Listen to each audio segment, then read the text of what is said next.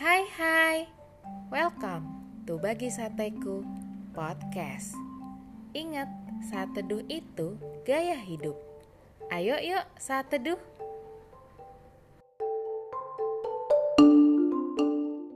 Topik saat teduh kita hari ini adalah bahasa kasih. Ayo kita buka Alkitab kita di Yesaya 43 ayat 4 yang berbunyi Engkau berharga di mataku dan mulia dan aku ini mengasihi engkau.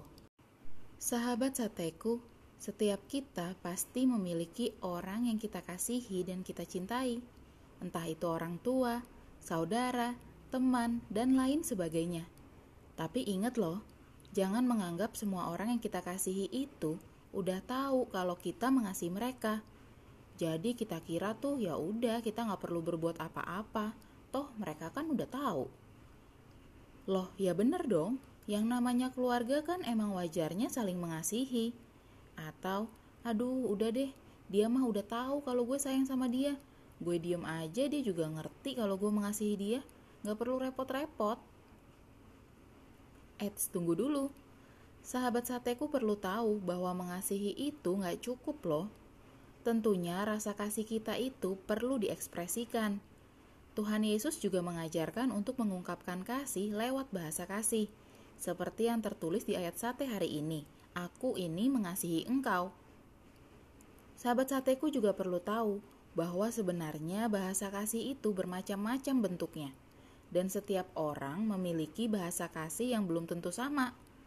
Mungkin ada yang berpikir kayak gini, Hah, ada macam-macam bahasa kasih. Maksudnya gimana sih?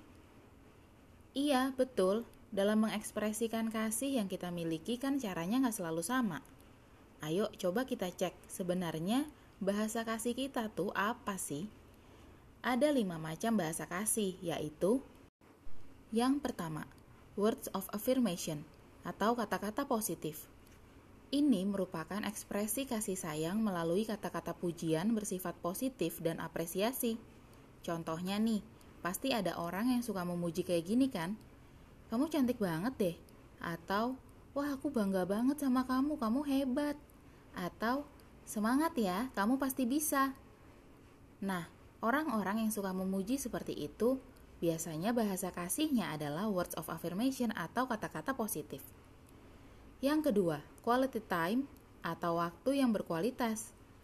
Bahasa kasih ini mengekspresikan kasih melalui pemberian perhatian penuh tanpa terganggu oleh berbagai distraksi lainnya.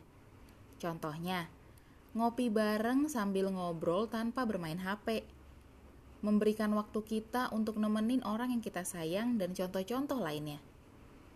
Yang ketiga, physical touch atau sentuhan fisik. Individu dengan bahasa kasih ini mengekspresikan kasihnya lewat pemberian sentuhan-sentuhan fisik tanpa melakukan yang tidak sopan. Contohnya, mengusap kepala, memegang tangan, merangkul, dan sebagainya.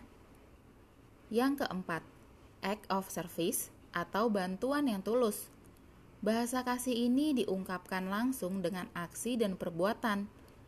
Misalnya, kita dibantuin mencuci piring, kita membantu mengangkat barang, mengantar, dan sebagainya. Yang kelima, gift atau hadiah. Bahasa kasih ini diekspresikan lewat hadiah, karena bagi individu dengan bahasa kasih ini, gak hanya bicara sekedar hadiah yang dikasih aja, namun juga berbicara tentang usaha dan waktu yang didedikasikan yang membuat hadiah itu menjadi lebih bernilai baginya. Nah, itu dia lima bahasa kasih yang ada. Umumnya pasti setiap orang memiliki dua bahasa kasih yang lebih dominan daripada yang lainnya dan belum tentu sama dengan orang yang kita kasihi. Contohnya, bahasa kasih utama kita tuh kata-kata pujian dan hadiah. Sedangkan orang yang kita sayang, bahasa kasih utamanya tuh quality time dan sentuhan. Kalau kita nggak ngerti macam-macam bahasa kasih ini, bisa-bisa kita protes terus kan? Ih, dia tuh nggak pernah muji aku deh. Nggak pernah ngomong langsung kalau dia sayang aku Udah gitu jarang banget ngasih hadiah. Kayaknya dia udah gak sayang deh sama aku.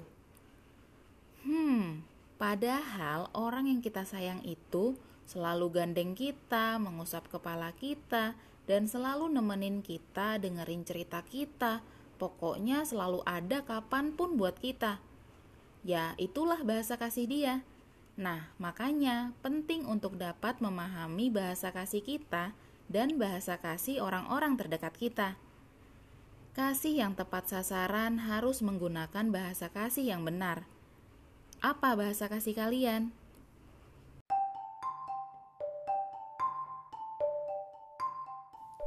Terima kasih ya sudah saat teduh bersama Bagi Sateku Podcast. Tetap semangat saat teduh setiap harinya. Sampai jumpa di saat teduh-saat teduh berikutnya. God bless you.